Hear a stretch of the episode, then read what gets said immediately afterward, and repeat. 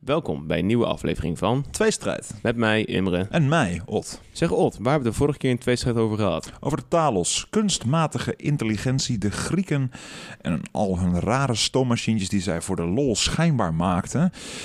En nog heel veel meer. Ja, het was weer een turbulente aflevering. Enorm veel dingen genoemd. We hebben lopen pieken met de Grieken natuurlijk. Hè? Ja, Zoals ik wel zo mooi zei. Ja, Die, die, die, ja, die, die- op, die het, op het tegeltje. Nou, Maar waar gaan we het vandaag over hebben? we gaan het vandaag hebben. We gaan, we gaan vandaag eventjes, nou ja, de luisteraars tot nu toe.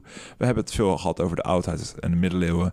Eh, toch al Belegeringen, belegeringen. veenlijken, Ja, veenlijken. cultussen. Ja, voor de mensen die ons volgen, die hebben het allemaal gewoon hè, normaal meegekregen. Het zijn allemaal dingen die wel een paar duizend jaar achter de rug zijn. minimaal. Nu gaan wij toch een beetje uit die comfortzone. Nou, ik weet niet of het een comfortzone is, maar ja, dit is een beetje out of die strain. Gaan we een beetje stappen en dan gaan wij kijken naar de Greet Hofmans affaire. Dat is heel erg dicht bij huis. Het is in Nederland gebeurd. Het is niet zomaar ergens gebeurd, maar het is gebeurd op Paleis Soesdijk. Ja, we gaan het hebben over de koninklijke familie. Over de koninklijke familie. En we gaan het hebben over een rare occulte mysterie, soort van, als ik dat mag zeggen. eh, In de jaren 50 aan Paleis Soesdijk. Ja, 1950, recentelijk. Zeg maar, onze, recentelijk. zeg maar eigenlijk de, de aflevering die we voorheen hebben gemaakt. Dat zijn gewoon onderwerpen wat zo lang geleden is. Dat je gewoon geschiedenis interessant vindt, vind je het interessant. Maar dit zijn onderwerpen. Nou, en, eh, mijn, mijn ouders waren niet geboren in 1950. Denk ik jou ook niet.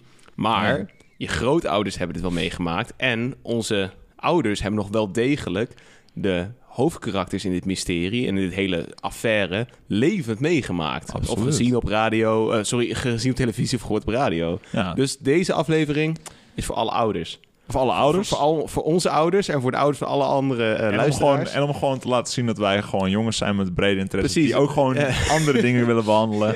We hebben de statistieken bekeken en we doen het goed tussen de, eh, zeg maar, bij mij 23 tot 35 jaar. Maar dit is voor die 35-plussers. Ja, Dit is, voor, absoluut. dit, is voor minimaal, als je geen 55 Kom er bent... maar bij. Als je geen 55 bent, deze Yes. aflevering is niet voor jou. Dus lieve luisteraars, stuur deze aflevering naar je ouders.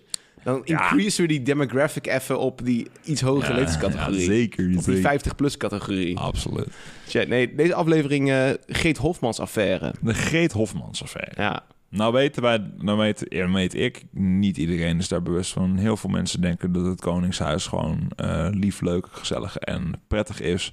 Maar ook dat heeft zo zijn zwarte bladzijden. ja. Overigens, disclaimer, eh, dit hebben wij, dit, dit, dit licht ik, dit, deze affaire licht ik niet uit omdat ik anti-koningshuis ben. Eh, Nee, ik neem daar geen stance mee in. Nee. Ik wil daar ook niet, eh, dat wil ik niet mee doen. geassocieerd worden. Nee, Ja, maar- gewoon neutraal. Eh, Het doe- doet, geen rol, eh. het doet geen rol wat wij van het Koninghuis vinden. Het is wel gewoon lachen. Het is gewoon lachen. Ja, maar het ding is, is er meer van, ehm, wij denken, en misschien zijn er mensen die denken van, oh, het Koningshuis is leuk en lief. Maar ik weet vrij zeker, ik heb wel eens met mijn ouders gepraat over het Koningshuis, die weten nog uit hun tijd onder andere verhalen over dit soort affaires. En dat het Koningshuis helemaal niet altijd zo leuk en liefelijk en Nee, ja, zo, zo ehm, goed gePR'd was als het nu eigenlijk is. En zelfs nu bestaan er schandalen binnen het Koningshuis. Binnen Nederland, internationaal. absoluut. Ja, er, Ja. Zijn, er, zijn veel, er, er, er, er is, er is veel gedonderstrel geweest.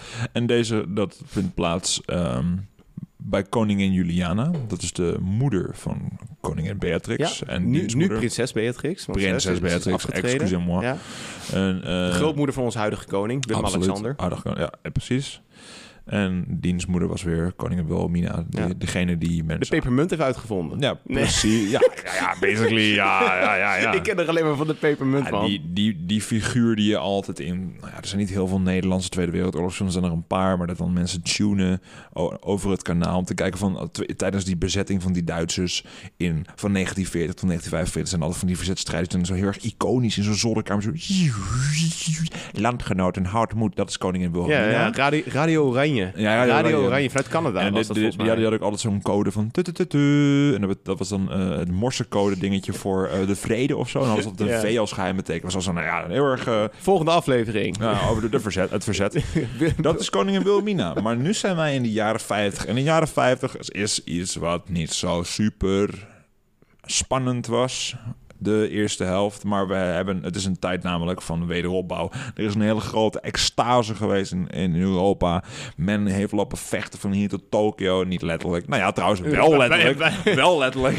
maar Van hier tot aan Hiroshima en Nagasaki ja, ja, zeker. Oh, dat zijn bijpuntjes. Ja. En eh, nou ja, men, eh, de, de- het kabinet wat staat in Nederland, eh, dat is het kabinet Drees. Kabinet Drees, de- vadertje Drees. Je boy Trace. De, de oude mensen, die, die eh, mensen, excusez-moi, eh, de, de, de, de, de, mensen van een goede leeftijd, die kennen Drees. Het is een iconisch persoon die heel erg ehm, uitdroeg dat men zuinig moest zijn. Want het was wederopbouw, er moest bespaard worden, er moest... ehm, de, de hele economie moest weer op gang geholpen worden. Eh. En ondertussen waren er wel gewoon spanningen tussen Rusland en de Verenigde Staten. En Nederland wilde in deze zogenaamde polariserende, dus een, een, een, ja, toch wel een- Verdeelde tijd. Een verdeelde tijd. Ja. En nogal, ja, zoals altijd eigenlijk, een vrij neutrale houding inhouden, maar wel erg naar het westen leunend. Nu, dus nu, nu nemen ze wel meer een stance in. In de Tweede Wereldoorlog was het echt zo van, I don't care what y'all do, ik ben neutraal. Ja. Maar nu is het gewoon, ja, we gaan wel toch al bij die, hè, die dat, dat westerse blok van eh, Ja, president we, we, Truman. we, kregen eh, natuurlijk eh, steun, de, het Marshallplan kregen we natuurlijk vanuit Amerika. ja, en dat werkt dat enorm dus- in de hand. Dus heel neutraal waren we niet na de Tweede Wereldoorlog. De Tweede, Wereld, Tweede Wereldoorlog loopt af. Ehm, Nederland krijgt weer eh, autoriteit over zijn eigen land. Eh, de politiek eh, begint weer te draaien. Zeg maar. Eh, grappig feitje. Het kabinet zeg maar, wat bestond in 1940 voor de inval van de Duitsers... Ja. Ehm, die ging gewoon verder in 1945. Er zijn geen herverkiezingen, zeg maar, Nee. geweest. Dat is gewoon, zeg maar, er is, er is een paar, er is een, ik heb een keer een film gekeken van een documentaire. En dat was meer de Duitsers vielen in. En toen waren al, zeg maar, bepaalde mensen waren eh, op weg naar Den Haag met de auto, trein, weet ik veel wat ze gebruikten, met paard en wagen. En toen kwamen ze erachter toen ze waren van shit, de- de- het kabinet is eh sloes. Want, nou, letterlijk sloes, we hebben inval van de Duitsers. en die zijn gewoon na de val eh, van eh Nazi-Duitsland, op het einde van de Tweede Wereldoorlog, zijn ze maar gewoon weer de vergadering opnieuw geopend van... Nou, inzittende, ja, ehm, wie- ja, wie is niet dood eh, geëxecuteerd of eh, afgezet, zeg maar. ja, precies. Maar die, het kabinet, zeg maar, eh, voor de Tweede Wereldoorlog gaat verder na de Tweede Wereldoorlog. Na de Tweede Wereldoorlog is de stem een beetje, nou mooi, wie hebben we nog over? Het land is een beetje gezuiverd van verraders. Wederopbouw. We moeten Ja. weer beginnen, moet aan de slag. Het Marshallplan is in werking gezet. We krijgen subsidiëring eh, vanuit het eh, Amerika. Ja. Dus we horen duidelijk bij het westerse kant. Ja, Hè, we dat, gaan dat werkt ook in de hand. Ook eh, Amerikanisering, zoals producten Ja. uit Amerika, handel met Amerika. Dat- Media. media ook. dat brengt wel zo, heeft wel zo invloed. Ja, in, aan het einde van de jaren 50 zien wij ook eigenlijk een één op één kopie van de vetkuiven uit eh, Amerika, de nozems terug als Mhm. subcultuur, als een van de allereerste jongere culturen overigens. En ehm, ja, nee, dat, dat- het is, een, eh, het is een, eh, een, een toch wel wat minder bekende tijd als we het Ja. kijken in de context van de 20e eeuw van Nederland. Maar toch wel eentje die wel be- te benoemen valt. Ja. Ehm, wat ook speelde in deze tijd was dat Indonesië was al een aantal jaar onafhankelijk. Ja. Eh, maar er was nog wel gedonderstraal met diens president, Mhm. eh, tenminste ja, staatshoofd Sukarno, ja. over de Papua's. Papua Nieuw-Guinea Ja. was nog wel van Nederland. En daar had het kabinet dan ook nog eh, struggles mee. Ja. Ehm, maar wat er nou speelt in deze tijd is dat eh, in 1948, dus net voor de jaren 50, dus we hebben het over dit klein, deze tijdsmarge, dus het is Ja. post-war. ja. Drie jaar na het einde van de Tweede Wereldoorlog. Ja, 1948. precies. precies. Eh, is dat er op Paleis Soesdijk wordt er één van de prinsessen ziek. Hoe komt dit? Mev eh, mevrouw, koningin Juliana, eh, koningin Juliana, ja, had rode hond, of rode hond, een ziekte, had zij op tijdens de zwangerschap van dat Ja. kind. Ja. En dat is, moet ik even Prinses Marijke. En die is later eh, prinses, eh, prinses eh, Christina genoemd. Precies, ja. Ja. En wat kreeg zij daardoor? Die prinses Marijke, die had een ongeneeslijke, leek het, zo, zo leek het, Ja. oogziekte. Oké. Ik weet niet precies wat dat was, wat, dat- wat Nee, dat ik ook niet. was. Ik lees me nooit in. Nee, nee, maar hè, ieder geval, prinses Marijke, oogziekte door rode hond gedurende de Ja, zwangerschap van. Juliana. Prins Bernhard en, eh, en eh, Juliana zijn nog sinds 1937 samen. Toen, was, ja, toen waren ze nog prins en prinses. Nou ja, Ja, eh, Bernhard was ook niet, niet technisch gezien koning. Maar dat was, werd alsnog prins Bernhard genoemd. dat klopt. Men fronste daar heel erg op, want Bernhard was Duits. En post-war Nederland was er niet super duper blij mee. We- Weet je de volledige naam van Prins Bernhard? Eh, van Duits Bernhard van Liepe Biesterveld. Maar Zijn volledige naam. Nee, is zijn volledige naam. even, even, even, Komt-ie. even een slokje water komt nemen. Bernard, Leopold, Frederik, Everhard, Julius, Koert, Karel, Godfried, Pieter, prins der Nederlanden, prins van Liepe, Biesterveld. Alright. Ja, Ja, en dan snap ik ook wel dat je gewoon Bernard gaat heten. dat is ook Dat gewoon is doen. best wel een mond vol. Maar inderdaad, eh, Precies. Bernard had eh, van Duitse bloed. Ja. Eh, die had wel een eh, tikkie Duits in zich zitten, dat klopt. Hij is, hij is geboren in eh, Jena, wat toen nog het Duitse keizerrijk was.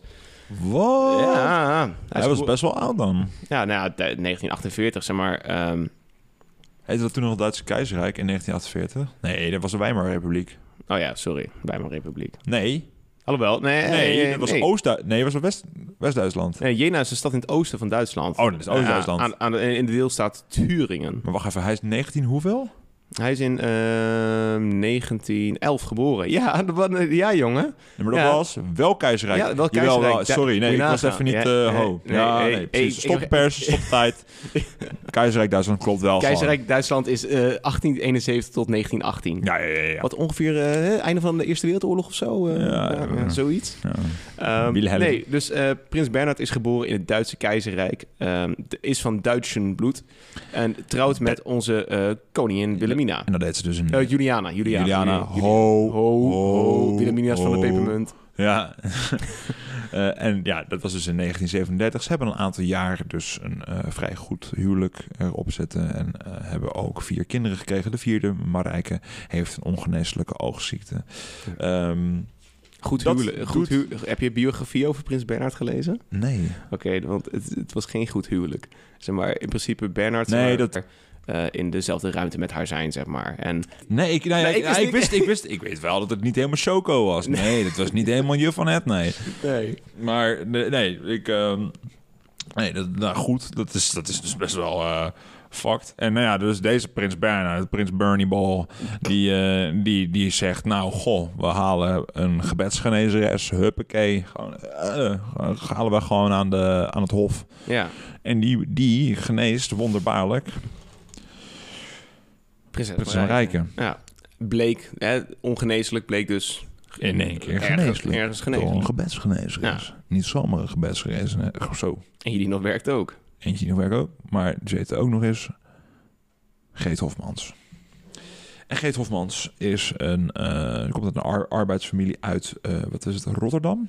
Of Het, zou kunnen. Amsterdam? Nou, de Randstad. Jo, weet ik Zo het. komt dat een grote Ik ken die stad. vrouw niet. Eh, de ouders hebben, eh, zij heeft voor mij ook nog meegeholpen in het verzet en het onderduik, onderdak geven aan Joden. Oh, echt? Eh, zoiets heb ik wel ge- Oké. meegekregen. Er is veel onduidelijkheid over haar. Wordt in de jaren eh 1924 en 1930 geïnspireerd door de geschriften van ene Yidi Krishnamurti.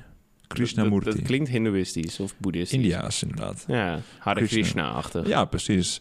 En dat is in essentie een leer die vrij ehm, ja, pacifistisch is. Dus wel, ik denk wel Pas, een pas, beetje... pas bij India. Ja, Ja, absoluut. de tijd van Gandhi. Ja, precies. Dat wou ik echt net zeggen. Oh, serieus? Ja, ja, ja, Ja, nee, ja, precies. In die, in die strain.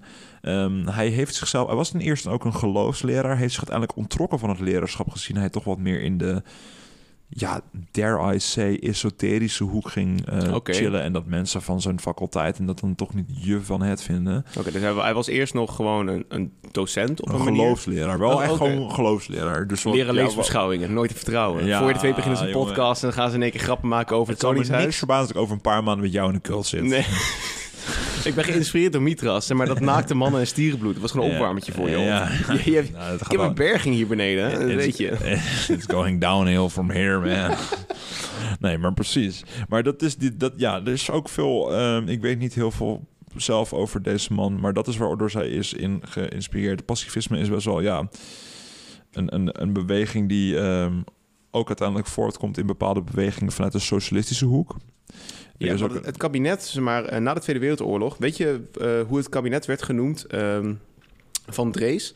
Zeker het kabinet Drees 2 Nee? werd eh, Rood-Rooms genoemd. Oh nee, maar ja, dit, is, dit is de tijd van een Rooms-rode coalities. Ja, Rooms-Rode coalitie, Ja, wat- precies. ah ja, dat, dat is ook even... PvdA, katholieke partijen...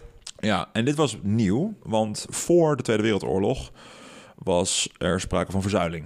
Dat was verdeling. Mhm. Men ging naar de eigen sportschool, men luisterde naar de eigen radio. sportschool, Eh, sportschool, tennis- tennisvereniging, voet- voetbalclub, voetbalclub, hockey. hockeyen. Gingen ze, als, je, als je een liberaal was, ging je dat bij de liberalen doen. Als jij Ja. socialistisch was, deed je bij de socialisten. Nou ja, socialisten konden vaak niet echt bepaald een sport afforden. Het waren wel gewoon arbeiders die dat waren. Maar ze hadden wel eh, gezamenlijke opvangen voor kinderen. Nee, En- maar ze hadden een eigen eh, radioomroepen en eh Ja. nieuwsoutlets. En, en als je wist, zeg maar, van, als je wist, zeg maar, oh, die bakker die is protestants of die is socialistisch, dan ga je daar ja, naartoe. men zei ook Ja. twee geloven op een kussen. Daar slaapt de, duivel Er tussen. slaapt de duivel tussen, jongen. Ja, en het is niet alleen geloof, ook ideologie. Dus ook nou ja, socialisten en liberalen. Goed, het was echt allemaal ver uit elkaar. gepolariseerd dus.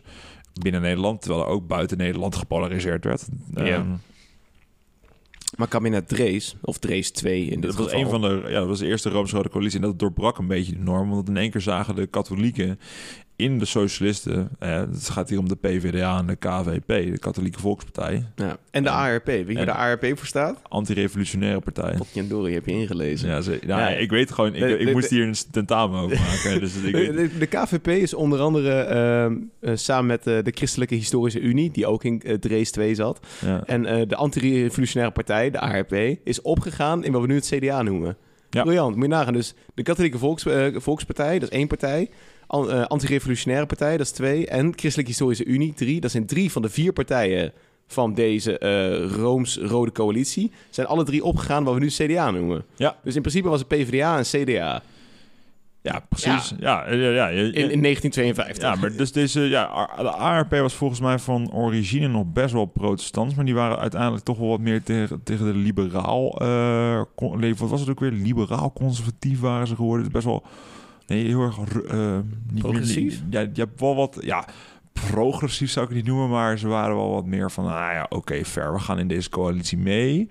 Oké. En het was de Rooms-Rode coalitie, want het is, het is dus de samenwerking tussen de zuil, de partijen. De zeil katholiek en de zeil Eh, Socialisme. socialisten, Sociaaldemocraten. Ja. Sociaaldemocraten. Ja, so- ja, precies. Ja, Partij van de Arbeid. Partij van de Arbeid, ja. Ja. En dat eh, bracht veel, want ze zagen het er toch in, want ja, de, de christenen, het, eh, nee, sorry, de katholieken, die hadden toch wel een, ge- een gevoel voor het, eh, de gemeenschap, hè, eh, wij samen. En dat hadden de socialisten ook, die, die konden er dus wel veel raakvlakken vinden. Ook veel verschillen natuurlijk.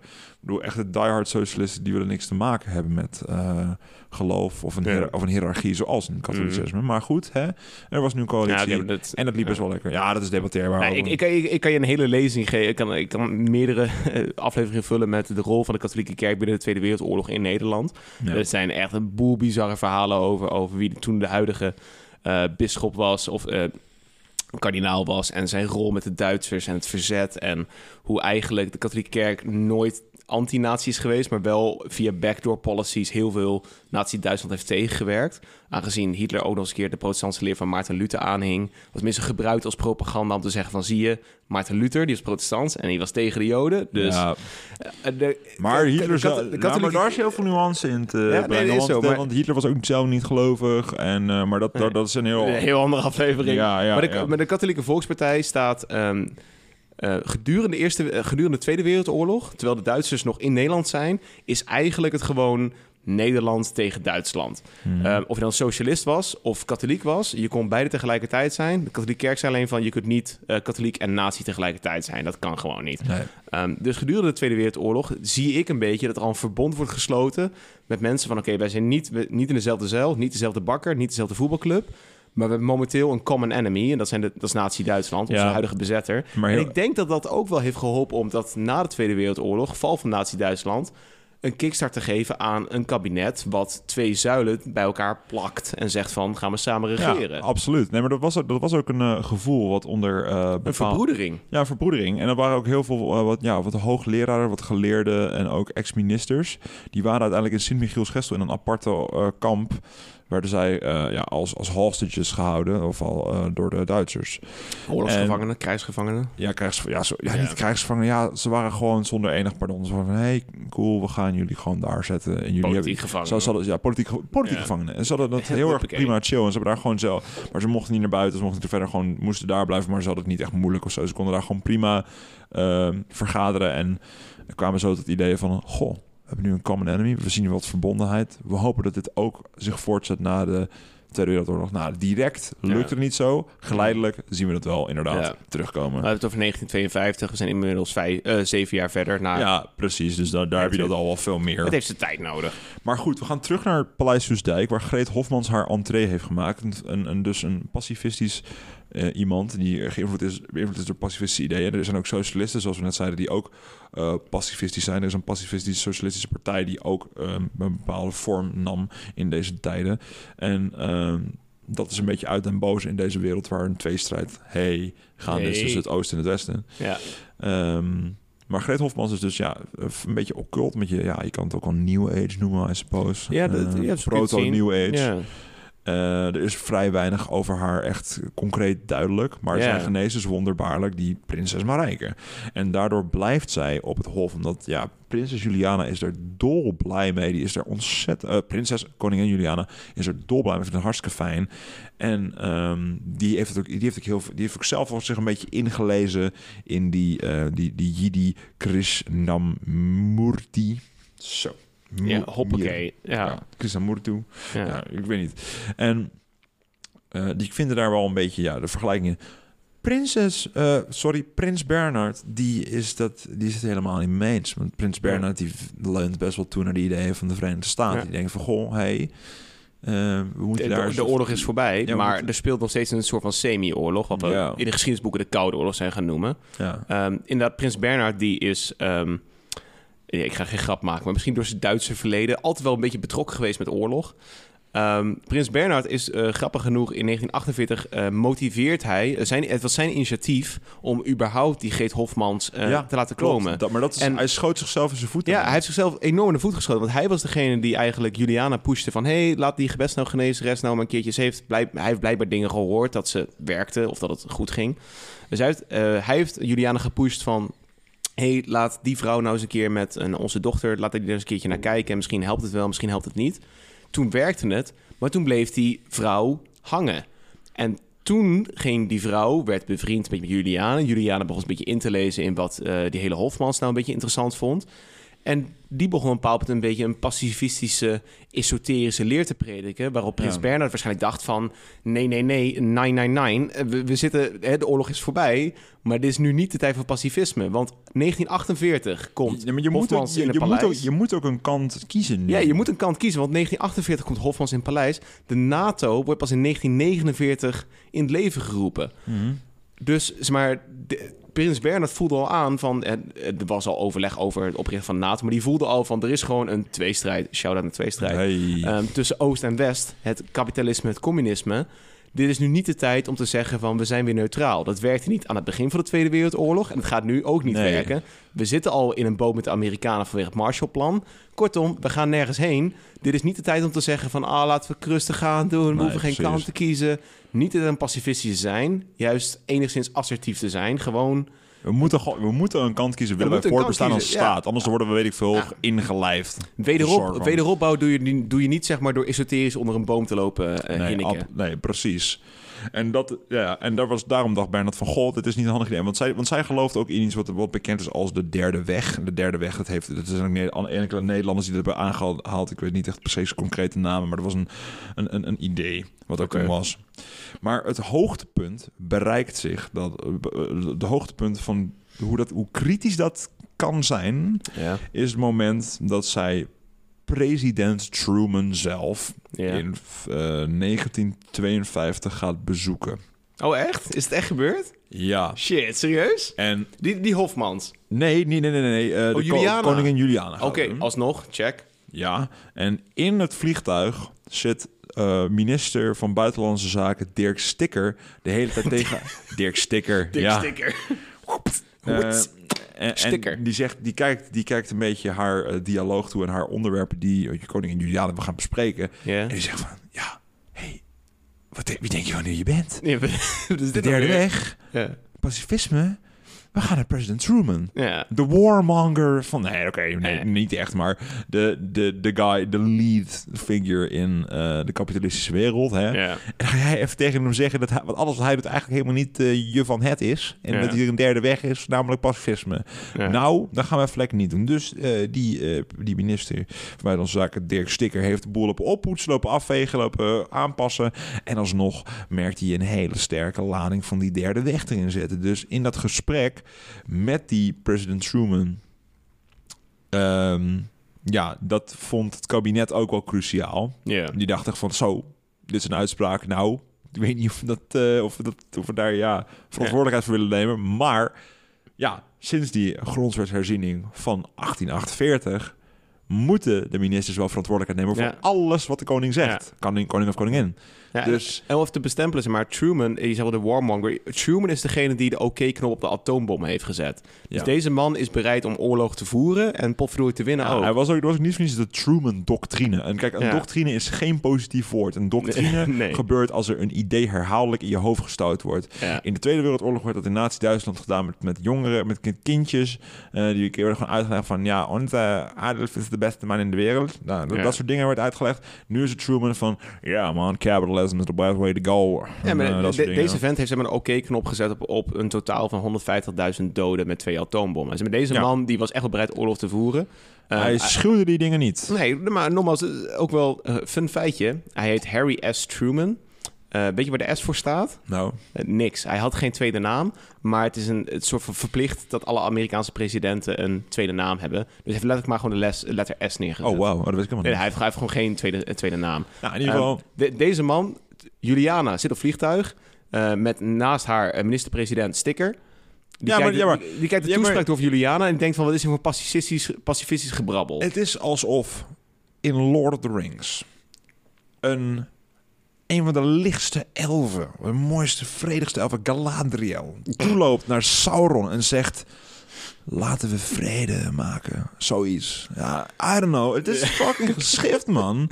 Het is spaugen in het gezicht van de guy die al een aantal jaar geld geeft. In en, die en- tijd, En weet die je de wel. Tweede Wereldoorlog heeft beëindigd, zeg maar, met, Bij de- met met, Japan. met een druk op de knop. Zeg maar, Ja, deze man ga je vertellen van, hey, goed die Tweede Wereldoorlog hebt gestopt. Ze zijn super blij mee. Nazi's zijn weg uit Nederland. Ehm, was dat over... super, super chill voor al het extra geld. Was dat nou niet Eisenhower trouwens? Nee, nee. I- eh, voor mij was. Eisenhower was daarna. Nee, Eisenhower heeft... eh, nee, eh, Eisenhower heeft ook zo'n mooie uitspraak... waarin hij voor mij een hindoeïstische veda aanhaalt. Alright. Zeg maar, Eisenhower heeft, ziet volgens mij op een bepaald punt... de ontwikkeling van de kernwapens of zo. Ehm, nee, ik weet niet precies wat het is.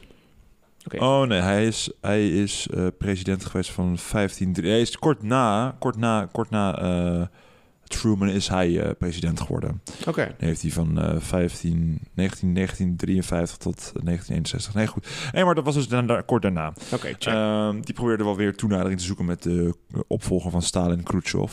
Mhm. Ja, uh, lukt ook niet heel erg. Nee, nee, Nou ja, nee, geen dat- verbazing. Nee, dat was normaal, terug naar het verhaal. We gaan terug naar het vliegtuig. Ja. Ot, breng ons terug naar het vliegtuig. Ja, en er zijn dus nou, de vliegtuig.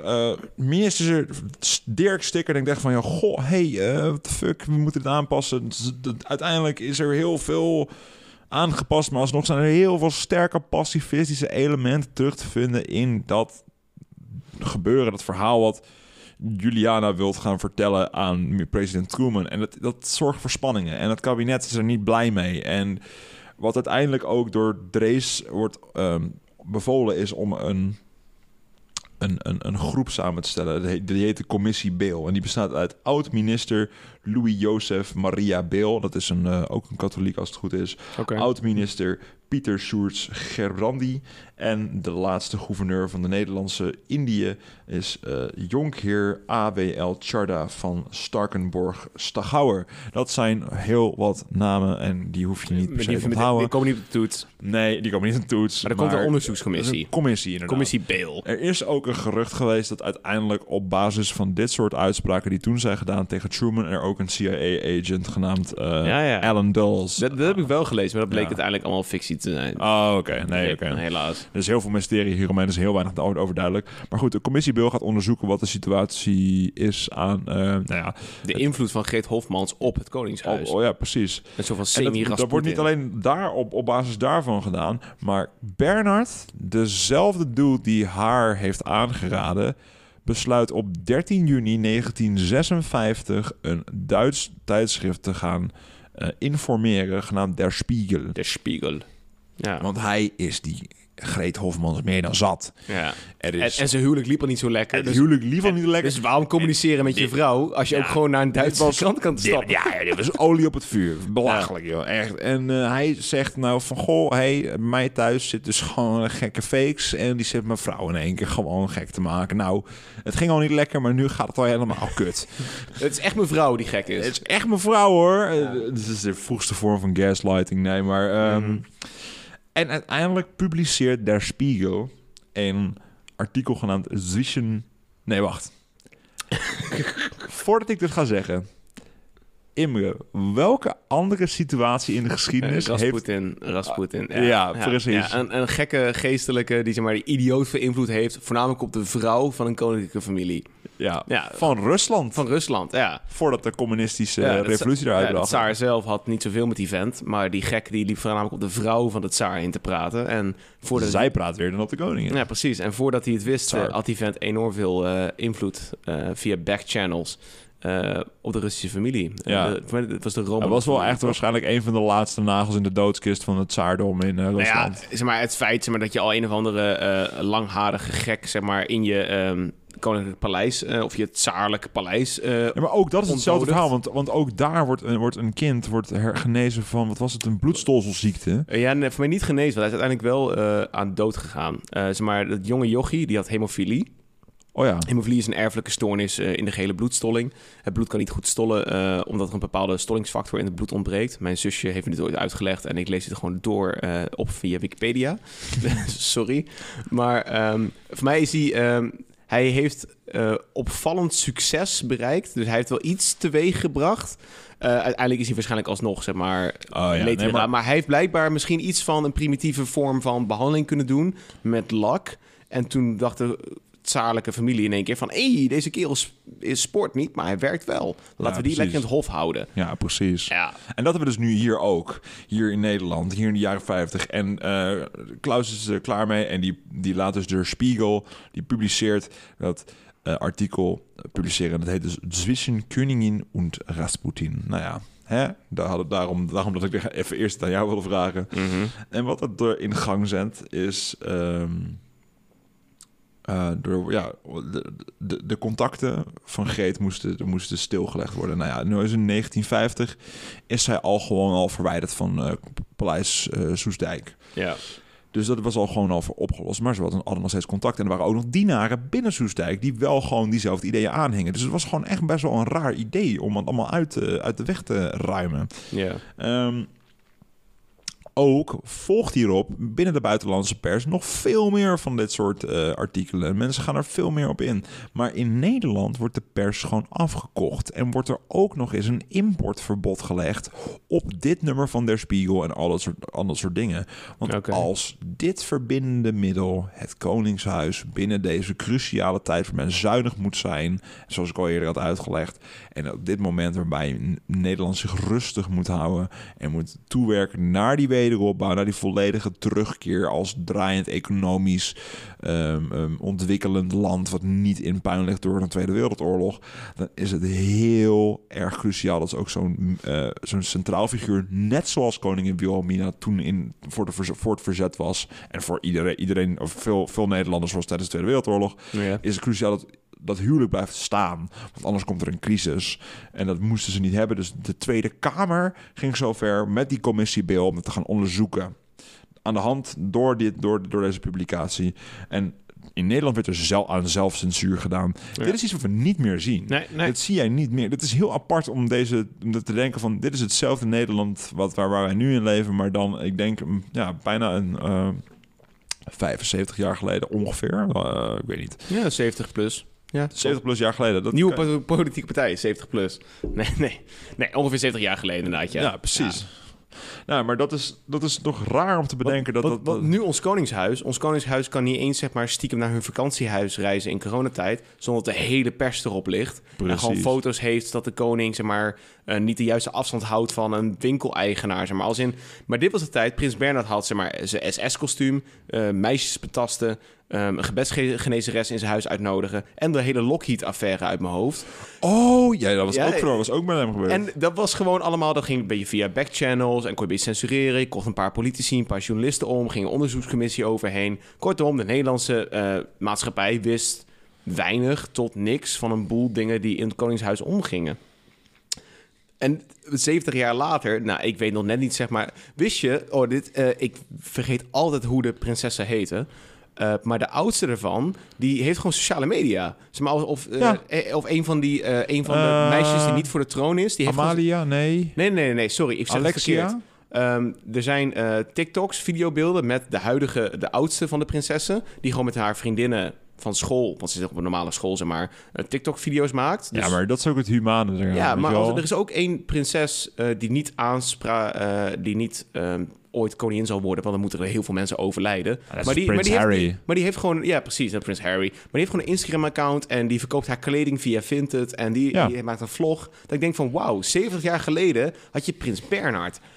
En nu heb je gewoon prinses die sociale media hebben... die ik gewoon een DM kan sturen en zeggen van... hey, yo, hoe is hij? Doe ik niet. Maar als in, dat kan. Maar in Ja. 70 jaar tijd zijn we van totale censuur... en de koningsfamilie is... daar weet je niks over. Dat is alleen maar goed, alleen maar prima. Koninginnedag, helemaal Precies, leuk. allemaal, goed, allemaal mooi weerspelen. En- En, en nu- het hele, de en- hele tweede hele kabinet zet zich in om Ja. wat weg te moffelen. Hè, zo dat soort En nu, dingen. 70 jaar later, kan ik de tweedehands kleding kopen... van een van de prinsessen. Mhm. Dat is een zi- gast. Als, als, mijn, ja, als mijn opa nu nog geleefd had, die had echt kunnen zeggen van... eh, huh, hoe dan? Wa- Van een naar de andere? Hoe dan? Ja, dat is toch wel... Bizar. Ja, dat is bizar. Dat is bizar. Tijd vliegt. En tijd vliegt eh, natuurlijk. eh, maar dat, is ook, dat zie je ook gewoon als we kijken naar de, de, de indeling van tijd en tijdvakken. Wat natuurlijk niet helemaal klopt. En dat is gewoon gedaan om puur een beetje een overzicht te creëren.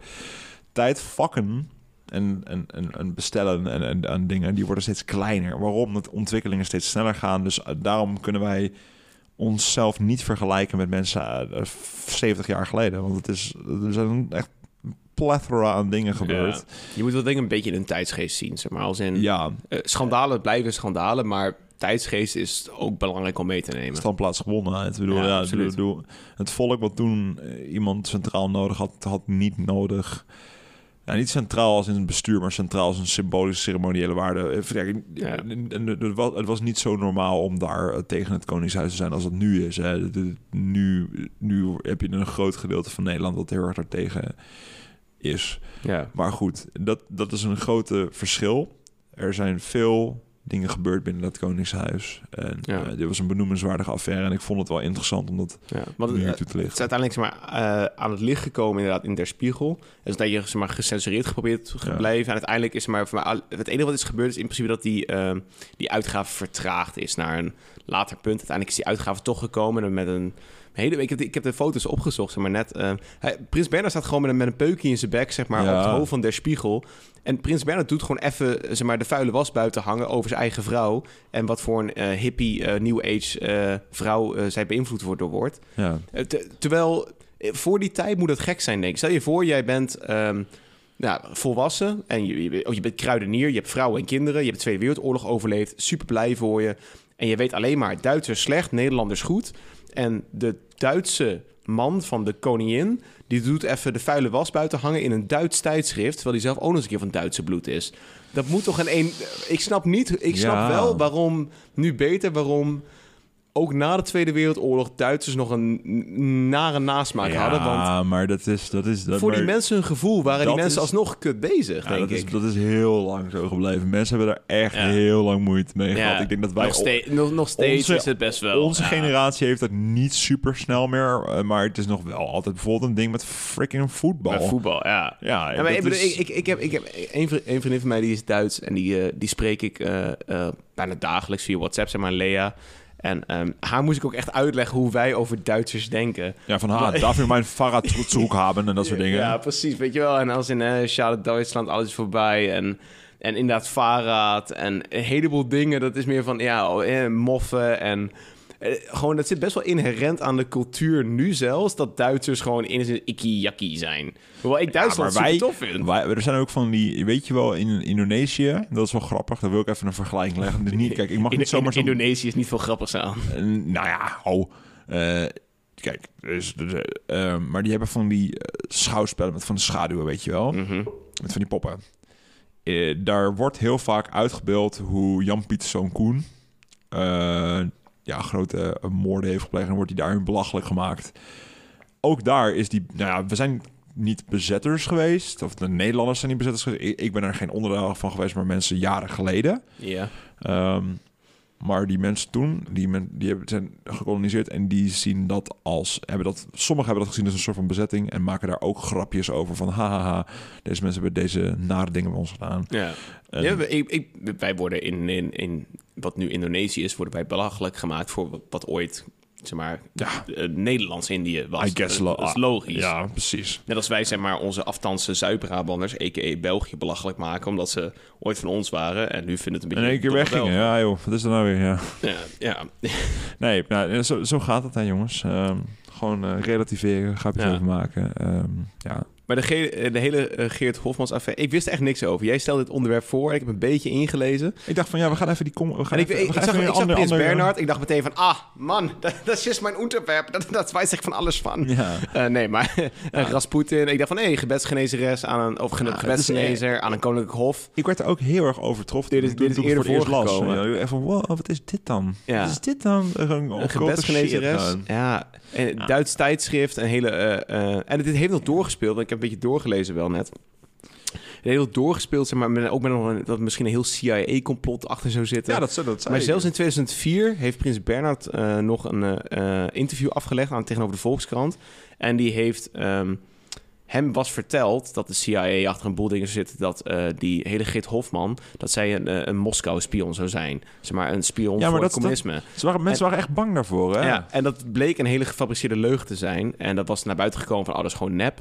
En toen is in 2004 aan Prins Bernhard nog gevraagd van, wist je dat het nep was? En hij zei van, ik, ik, ik, ik heb daar geen, eh, ik kan me dat niet herinneren, ik kan er geen uitspraak over doen. En toen zei hij van, maar wist je dat het nep was? Maar niet van, wist je ervan, maar wist je dat het nep was? Zei hij van, ik, ik, ga daar, ik kan en ga er niks over zeggen. Geen ontkenning en geen ontkrachting ervan. Maar als in deze man heeft, hij heeft misschien wel een heleboel leugens misschien wel gepromoot of een boel censuur, eh, censuur gepusht.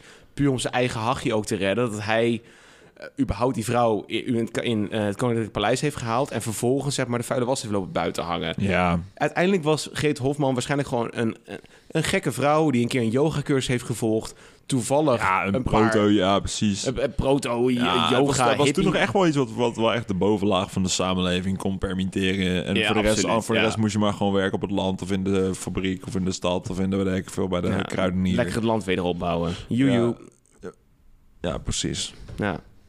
Ja, maar dat ze dan in, een- in een vliegtuig zit onderweg naar Truman... en zeg maar dan een beetje een, een of andere derde weg hippie bullshit toespraak bij zich heeft. Ja, Als minister moet je nou echt denken van... shit, ik moet dit gewoon gaan verdedigen zometeen. Ik Ja, moet dit gewoon akkoord gaan Ik geven. moet, gewoon, ik moet dit nu gewoon gaan fixen, Ja. weet je wel. Want anders dan is de stront aan de knikker. Ja. Geen Marshall Hurt meer, fijne avond.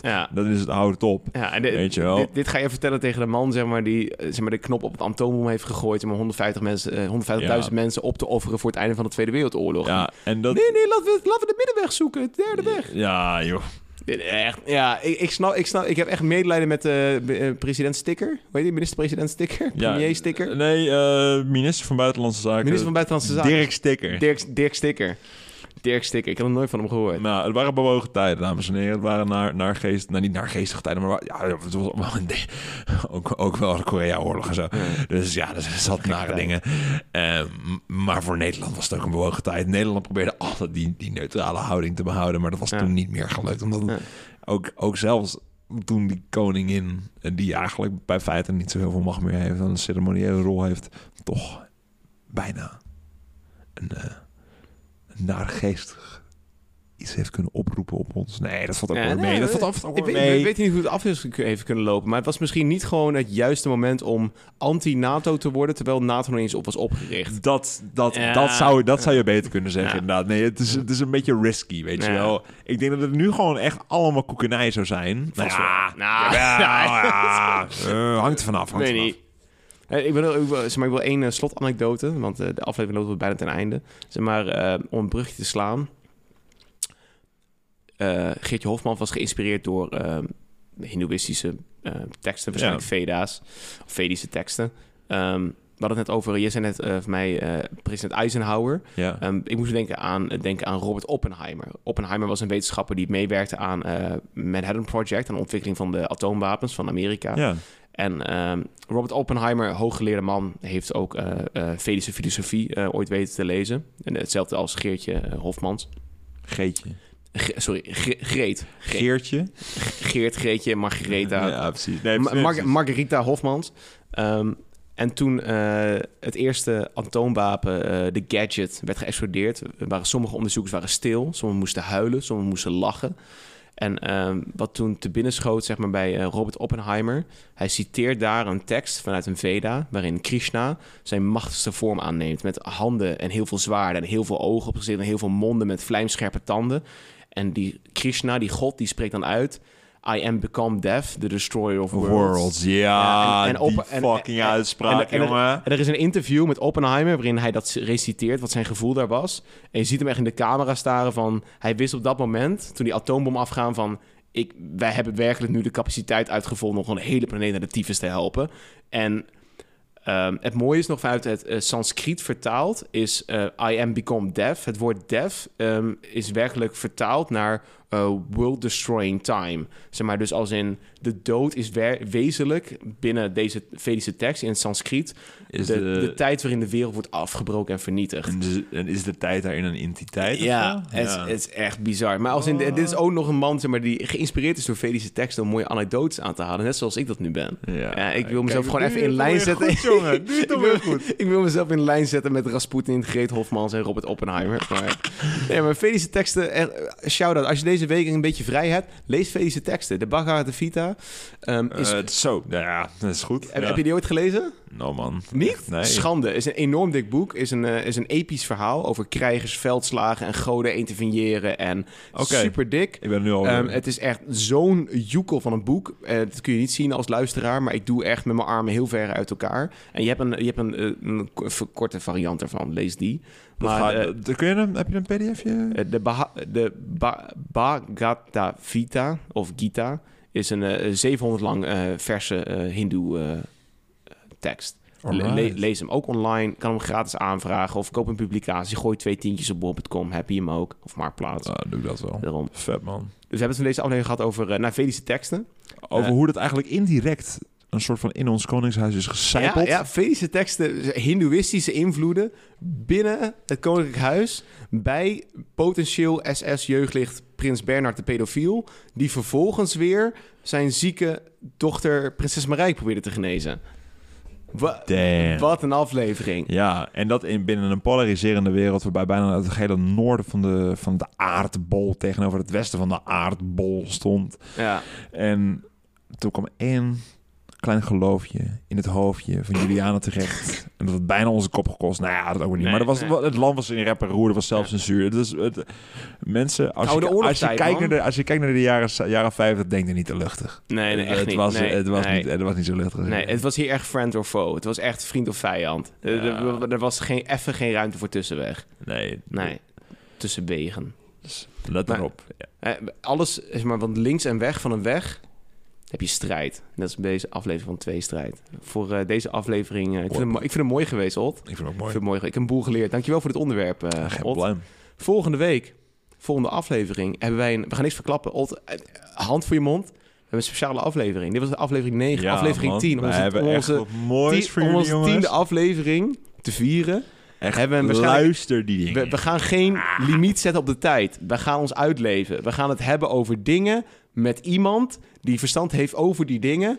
Ik heb En waarvan jij zou zeggen, waarom bestaat iemand die, die zoveel verstand heeft over dit soort dingen? Ja, dus What? De allereerste gastspreker bij Tweestrijd. Can you gast- imagine, my boy? we gaan er niks over. Onze eerste gastspreker. Hij heeft er zin in. Wij hebben er zin in. Het gaat een prachtige viering worden van onze tiende aflevering. van Twee Sterren. Wees erbij, luister het. Ehm, deel deze aflevering met je ouders, want die willen vast veel horen over het Koninklijk Huis met je Bernhard. vrienden, met je whatever. Met, met, je, met je scharrel, met je mislukte Eh, met de Ook met die, want dat, gun je de- ze gewoon toe. want de huisarts- kwalijke tekst van deze kwalijke jongens, deze kwalijke podcast, de- deel deze die je aflevering wel met leuk vindt. de huisarts van je, eh, weet ik veel, je smetvrezen cavia. Deel, deel het. Ja. Deel het. Dames en heren, voor deze aflevering, ik was Imre Ik was Odd. en dit was Tweestrijd. Peace. Tot ziens.